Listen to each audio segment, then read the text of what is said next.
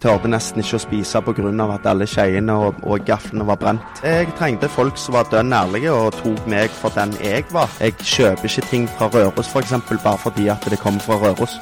Det må være den beste kvaliteten på det jeg kjøper. Hvis ikke så kjøper jeg det fra Danmark. Her er Stavrum og Eikeland. Vi sitter i speilsalen på Britannia i Trondheim sammen med Kristoffer Davidsen, eh, sølvvinner i Bocuse d'Or. Jeg bare lyst til å spørre deg om en ting fra starten av. I kokeboka di så var den første retten en fiskebolle på en skei. Mm. Hva er det symbolske med den retten? Eh, det symbolske med den er jo at jeg har eh, barndomsminner fra når jeg bodde hos min biologiske mor, der det ikke ofte var middag på bordet. og eh, De gangene når det var det, så var det ofte fiskeboller i hvit saus, eh, som da vi spiste med skeier som var, var, brent. Altså Du så at det var brukt til å gjøre noe annet. Men jeg visste jo ikke bedre, så jeg trodde jo at skeien skulle være sånn.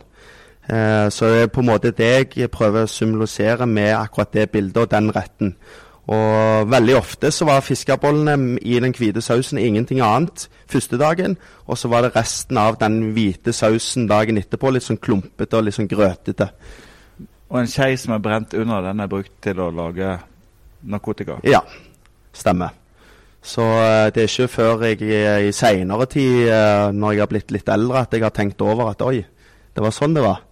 Så jeg uh, husker jo sjøl ofte i ungdomstida, så når jeg var hjemme og vi spiste på lørdager hjemme hos henne, så, så hadde jeg litt sånn at jeg tørde nesten ikke å spise pga. at alle skeiene og, og gaflene var brent. Så. Hva tenker du når du sitter her da, på, i speilsalen og driver eh, en av, eller kanskje den mest prestisjetunge restauranten i Trondheim? Det har skjedd noe i livet ditt? Ja, jeg, jeg er veldig stolt over det. Og jeg jeg har jo eh, hatt eh, høye mål og, og, ambisjoner, og jeg er jo veldig glad for at jeg har nådd der jeg har kommet, og at jeg har fått den tilliten som jeg har fått da, til å faktisk åpne Speilsalen, som har eh, ganske lang historie innenfor Britannia. Eh, og er et, freda, et, av to freda rom her på hotellet, og det har jeg fått. Og det er jeg eh, veldig, veldig stolt over. Hvis jeg sier ordet Michelin-stjerne, hva tenker du da? Ja, det har vært eh, mye spekulasjoner rundt oss. Og jeg ser det er veldig mange eksperter som er ute og sier at eh, ja, vi skal få én og to stjerner. Og, ja, og at vi fortjener det. Og det er veldig hyggelig å høre. Eh, det viser jo bare at vi har eh, vist oss, og det var litt det som var greia. Men jeg sjøl tenker kanskje at det, det er litt tidlig allerede etter ti måneder, men eh, aldri si aldri. Eh, og blir det det, så blir det hele i taket. Men Kan du fortelle litt om altså Det hele begynte i Arendal, stemmer det? Ja, stemmer. Eh, jeg har jo bodd i ganske mange familiehjem og institusjoner opp gjennom. Og, og en stor del av livet mitt så bodde jeg på Sørlandet og i Arendal og i Grimstad. og det var vel egentlig der på en måte kokken i meg starta. Eh, det hele starta jo med at han ene eh, ungdomslederen, som, eller min kurator som jeg hadde der, han, han var kokk sjøl, utdanna kokk sjøl, og jeg trengte jobb. Og han skaffa meg jobb i uh, oppvasken på Clarion hotell i Arendal. Og vips, så var jeg betatt. Og etter det så har jeg uh, kjørt på for å nå mine mål. Ok, Det er mange som har starta uh, eh, i oppvasken, og, men som ikke har endt opp å fighte med en Michelin-stjerne. Altså, hva måtte til i starten? Altså, du må ha jobba deg i hjel? Ja, nei, nei, nei. Jeg, det som jeg trengte, jeg trengte folk som var dønn ærlige og tok meg for den jeg var. Uh, det var aldri snakk om en gutt som hadde problemer, selv om de visste det. Eh, det var det jeg likte veldig godt. Det var veldig godt miljø på kjøkkenet. Og så var det òg samtidig veldig enkelt å jobbe seg opp. For én ting å starte i oppvasken, men viste du interesse og du viste stå-på-vilje, så bygde du deg fort opp til at du faktisk f.eks. plutselig sto på frokost og hadde en egen stasjon der inne. Og så syns jeg òg at det var veldig eh, inspirerende, og i tillegg dette med å være kreativ. Det var aldri en dag som var lik. Eh, og Fulgte du reglene og du fulgte på en måte sjefen som, som var der inne, så, så kunne du nå eh, ganske høyt opp ganske fort. Og det likte jeg veldig godt. Sett i, i etterkant, vi skal ikke dvele så lenge med det, men likevel. Hva er ditt forhold til barnevernet, det norske barnevernet? Eh, per i dag så eh, har jeg jo egentlig Jeg har jo ikke noe forhold til det, men jeg ser jo at det har vært enormt mye i media. Eh, eh spør du mine fosterforeldre oppi dette her, så eh, hadde nok det ikke vært så veldig positivt. Men heldigvis så husker ikke jeg så veldig mye av dette her, og jeg har hatt fosterforeldre som har skjerma meg fra eh, en del av tabbene som barnevernet har gjort, heldigvis. Så um, jeg sitter jo egentlig bare med, med en, eh, en, god følelse, og jeg er jo veldig glad for at de greip inn. Men jeg har jo da òg hørt at det, det, ikke var så profesjonelt som, det, som jeg skulle tro det var da. Og det, eh, Du bodde jo på flere titalls steder før du ble voksen. Ja. Eh, så det var riktig å si at du var, at du var en kasteball. Men allikevel, tror du at barnevernet som regel eh, tar omsorgen for tidlig fra foreldrene, eller er de for seine til å gjøre det? Eh, jeg tror eh, veldig ofte at det kan være for seint. Eh, eh med tanke på min egen oppvekst så skulle jeg jo ønske at eh, de grep enda fortere inn. Men jeg forstår jo det at det, det tar jo det tar kanskje litt lang tid med søknader. Jeg vet ikke hvordan selve systemet fungerer. men jeg tror at eh, veldig ofte så, så, er de ute for seint. Og så eh, tror jeg òg at eh, det med hvordan du skal hente et barn ut fra hjemmet, det er vel kanskje det jeg har dårligst følelse på. Var at du kommer ikke med politi og, og, eh, og, tar deg eh, når du er hjemme hos din egen mor med kanskje ei som er rusa og skriker. Og, og det har jo satt sitt preg. og det er jo Eh, noen dårlige minner som jeg sitter igjen med i dag. Og dette er jo ganske mange år siden. Eh, du ble jo nevnt i statsminister Erna Solbergs nyttårstale eh, som et eksempel på at folk med hull i CV-en kunne gjøre det veldig bra. Mm. Hva tenker du selv når du ansetter folk? Ansetter du folk med hull i CV-en? ja, vet du hva. Jeg, jeg, skulle ønske at jeg kunne det. og eh, jeg anbefaler jo eh, folk å eh, gå inn i dette yrket her, og eh, egentlig Det er jo egentlig litt opp til en sjøl eh, hvordan en skal utvikle seg. og jeg, For meg så hjalp det å sette mål og, og ha ambisjoner. og eh, Det er jo egentlig det jeg prøver å råde alle andre som har litt problemer og kanskje har litt samme fortid som meg. Eh, men kommer det søknader, så blir jeg jo veldig, veldig glad. og jeg jeg tror nok kanskje at jeg er litt ekstra svak for akkurat det, da. Men hva, er det, men hva er det som skiller eh, altså, Hva er det som er viktig for deg? Er det, er det passion? Altså, hva, hva, er det du ser på når du skal ansette? Ja, for meg så er det viktig at det er passion, og at det, eh, du har struktur i livet ditt. Og hvis du ikke har det, så har jeg veldig lyst til å være med og sørge for at du får det. For det syns jeg er veldig viktig, og det er noe jeg sjøl har jobba veldig, veldig mye med. At jeg skal få struktur, og at, det, at, det er, at, jeg har orden i privatlivet mitt, har hjulpet når jeg er på jobb. Uh, og jeg tror nok at det uh, har, du, har du det bra hjemme, så har du det òg bra på jobb. Og, så du har kone og kids og alt, du? Ja.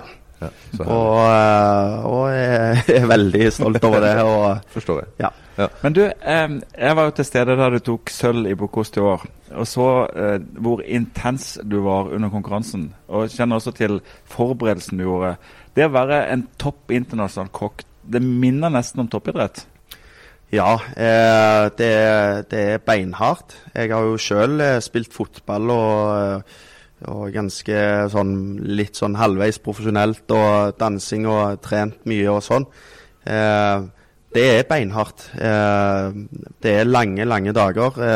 Jeg husker jeg satt med sykkel, en sykkelklubb i, i Stavanger der han Alexander Kristoff var, og jeg holdt et lite foredrag om hvordan jeg trente og hvordan opplegget mitt var opp imot Lyon. Og da satt de bare og måpte ut ifra hvor mye jeg trente. Så, eh, så det blir brukt mange mange timer på det, og det tar på ganske psykisk pga. at Norge har gjort det så bra i alle år. Så i media så ble det blåst opp eh, ikke om, eh, om eh, hvordan kommer Kristoffer til å gjøre det nå. Nå eh, forventer vi at Norge skal gjøre det bra, og nå kommer de til å stå på toppen igjen. Og det var ganske hardt. Ja, Men du leverte jo. Ja, eh, heldigvis. Heldig, heldigvis. Men jeg var, jeg jobbet mye med å, eh, å skjerme meg sjøl ut ifra det. Og jeg hadde jo en personlig trener, eh, han, Hans Trygve Kristiansen, som hjalp meg til å tenke eh, riktig opp imot Lyon. Og det jeg, uten han så tror jeg ikke jeg hadde prestert på samme måte. Det var vel han som sto bak Johan Olav Koss, var det ikke? Stemmer det? Ja, ja. Ja. Så han har jo litt eh, gull bak seg. Ja. Men eh, det er jo litt pussig å tenke på. Du, så vidt jeg husker, så spilte du sammen med Jone Samuelsen. i- I- Ja. Eh, meg og Jone spilte sammen på Sunde og litt på Madla. Og det er utrolig kjekt å se. Han var jo en som jeg eh, hang en del med når jeg var yngre, og det var jo før eh, når ting begynte å skli ut. og Heldigvis så sklei jo ikke han ut, og det ser du jo på fotballen han spiller i dag på Odd. Så det er jo utrolig kjekt å se. Men det er bra at ikke du holdt deg til Viking og Odd, at du faktisk heller gikk opp i toppklassen. Men, men det er litt interessert Det, Det finnes jo mange gode kokker. Uh, og så har du stjernekokkene. Og du er en stjernekokk. Eh, hva er det som er- skiller dere? Altså, hva, hva er det som gjør at eh, dere er stjerner, og de andre bare er gode? Nei, vet du hva. Jeg vil ikke kalle meg noe for stjernekokk. Jeg syns Ja, men du, du er det. du er det, Så det, det er. Men, men hva er det som skiller eh, Nei, vet du hva. Eh, Det er vel egentlig ikke eh, noe som skiller det, utenom at det, du på en måte har gjort det mer om til en hobby òg, i tillegg til at det er jobben din. Og at det, det blir jo på en måte litt sånn at det, det blir egentlig alt det du gjør i hverdagen din, eh, utenom sånn som med meg, da, at det er familien og jobben min som betyr noe. Så eh, det går vel mer på interesse, kan jeg vel si.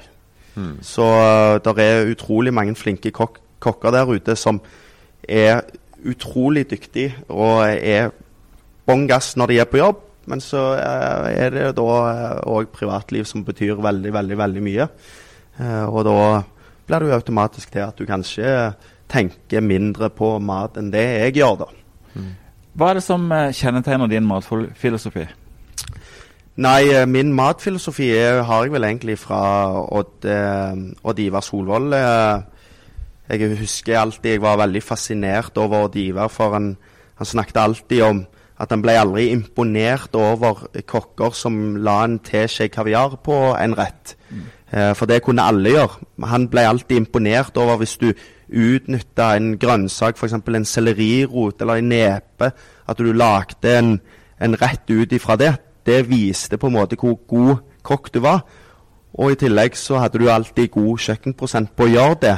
Eh, og det vel egentlig den som sitter litt igjen hos meg òg. At jeg, jeg, jeg selvfølgelig jeg kan jo legge på ei teskje med kaviar, jeg òg, og jeg syns jo det er godt. Men jeg liker òg veldig godt å vise at jeg eh, kan lage god mat av billige råvarer og tenke bærekraft og alt dette her som er veldig i fokus nå for tida. da. Så um, det er vel egentlig hovedsakelig eh, min filosofi på det. Og så prøver jeg jo selvfølgelig òg å, å eh, ha det så lokalt som overhodet mulig. Men det skal aldri gå utover kvaliteten på varen. Jeg kjøper ikke ting fra Røros f.eks. Bare fordi at det kommer fra Røros. Det må være den beste kvaliteten på det jeg kjøper. Hvis ikke så kjøper jeg det fra Danmark. Men Ta oss med tilbake igjen til, til forberedelsen til Lyon. For du, du visste jo hva slags uh, mat du skulle lage. Men for, fortell, Hvor mange ganger lagde du den middagen før konkurransen? Eh, akkurat den eh, samme retten eh, tror jeg ikke jeg lagde så mange ganger. Men eh, eh, jeg hadde tre forskjellige sånn faser, og testfasen var vel kanskje den fasen som varte lengst. da, Og kunne vare i noen måneder. Eh, så, men sånn alt i alt, så eh, bare til Lyon, så eh, kanskje jeg eh, lagde eh, akkurat den retten 100-150 ganger. Eh, sånn alt i alt med forskjellige testjuryer og folk som jeg inviterte for å komme og smake. Akkurat det poenget, nemlig. em, Norge er jo den mestvinnende nasjonen i Bocuse i år, som er en utrolig prestasjon. Men én ting som virker å være tilfellet, er at dere som har vunnet før, dere hjelper de nye som kommer. Tidligere vinnere hjalp jo også deg. Mm det minner litt om alpinlandslaget, hvor liksom de som eh, hadde suksess først, hjalp de etterfølgende. Ja. Eh, jeg føler på en måte at det er fasiten. og eh, Vi har jo noe som heter eh, Bocuse-akademiet, Nor Norge sitt KUS-akademi. Eh, det er jo alle de som har vært med før. Og når jeg har sittet Jeg husker når jeg var kandidat sjøl, jeg fikk lov til å være med på et møte. Det var vel første gangen en kandidat fikk lov til å være med på et møte og høre hva disse store gutta snakket om. Og det eneste de prata om, som jeg ble så utrolig glad for, var at eh, de, de tenkte kun på kandidatens beste. Så hver eneste ting som kom opp, og hver eneste ting som ble banka i bordet, så var alltid siste spørsmålet er dette her eh, for kandidatens beste. Og da så jeg at oi, det er jo på en måte sånn systemet er lagt opp. De ønsker at eh, alle i Bocuse Norge ønsker eh, Eller du kan si det sånn, vi unner og beundrer hverandre. Eh, og det er, det er jo ganske stolte sjeler som sitter i på Akademi og, og har sterke meninger og sånn, men alle er enige om én ting, det er at Norge skal vinne eller stå eh, på podiet i Lyon, og det er jeg veldig, veldig glad for. Altså, det, det er jo mer liv der nede enn på Ullevål stadion.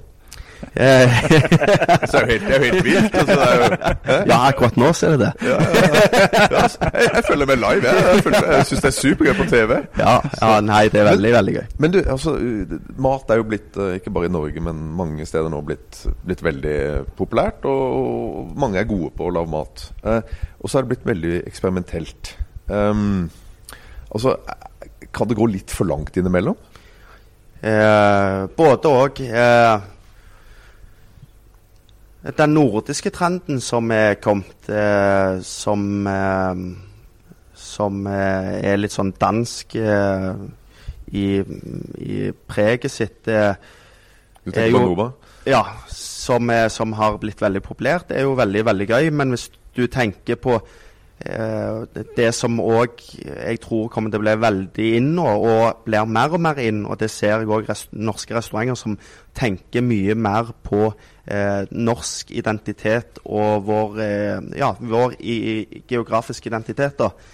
Eh, vi er ikke kjent for i Norge å spise ugras og maur. Eh, vi er kjent for konserveringsmetoder og planlegge langt fram i tid. Eh, og den har vel på en måte restaurantene tatt mer og mer inn i sitt kjøkken nå. Og det syns jeg er veldig veldig kult, for da er vi på vei inn i en trend og en norsk historie som jeg syns har på en måte dødd litt ut, men blir tatt mer og mer opp igjen. Altså det, det du sier der, det høres fornuftig ut. Men jeg tenkte faktisk mest på det første. For jeg har vært på Noma to ganger. Og sist gang da måtte jeg innom den lokale pølsesjappa og kjøpe med meg to pølser. Og jeg spiser mye god mat. Jeg Ja. har spist veldig mye. Jeg, som, det, som regel Altså, jeg alltid liker det meste. Ja. Men der ble det Det tok helt av. Altså Satt med en sånn fjær og spiste og gnagde den på enden. Og to hjerner var vi innom. Og, altså, det ble, da sitter vel de på kjøkkenet og så spiser indrefilet. da. Ja, nei, eh, det Noma holder på med er jo veldig, veldig spesielt, og det er utrolig viktig for vår gastronomi, det de holder på med nå. Eh, jeg syns det er utrolig viktig at vi har eh, en restaurant som Noma, og du ser òg at de er jo med og hjelper og videreutvikle nye trender og fokus som jeg syns er viktig å ha, da. Så, så det de gjør, syns jeg er veldig, veldig bra. Men nå sitter vi altså her i speilsalen. Jeg ser uh, sølvstatuen som du fikk i Bukost i år, naboen til Palmehagen, i et hotell som er oppussa for en milliard kroner. Du føler ikke litt prestasjonsangst?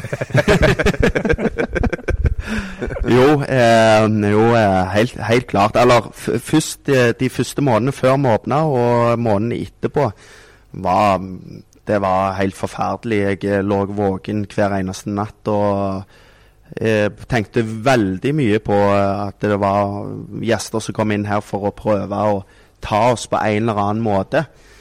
Men det jeg har funnet ut, er jo at vi er jo mer kritiske sjøl enn det gjestene er når de kommer inn. Eh, og det tror jeg er en god egenskap å ha. Og eh, bare at vi holder det til en sånn fornuftig greie. At vi ikke ødelegger konseptet som, har, eh, som jeg syns har blitt veldig, veldig bra her inne. Så skal vi fortsatt være kritiske til, til oss sjøl. Eh, og så skal vi sile ut, og så skal vi høre på gjestene, og så skal vi finne balansen. Og den føler jeg på en måte vi har funnet. Og jeg syns òg at det er veldig viktig at det er eieren som eier hotellet, og direktøren Mikael som har troen på speilsalen, som har gitt oss tilliten. Det er òg veldig viktig for meg at de er fornøyde. Og når de er fornøyde, gjestene er fornøyde, vi sjøl er sånn halvveis fornøyde og prøver hele veien å komme alle fornøyde. Da er alle fornøyde. Men eieren er jo Reitan, så du kjøper råvarene for Rema, da? Nei, ingen kommentar. du, eh, hva, hva vil du at folk skal tenke når de har vært her? Eh, jeg vil folk skal tenke at det, det er en unik eh, opplevelse som du ikke får en annen plass. At du har fått lov til å være deg sjøl, og du har fått lov til å komme akkurat sånn som du vil. Eh, det er utrolig viktig for meg. Eh, og så at du da føler at du har lyst til å komme tilbake og, og ha en ny opplevelse i Samos. Men her får du en fransk med en lokal forankring?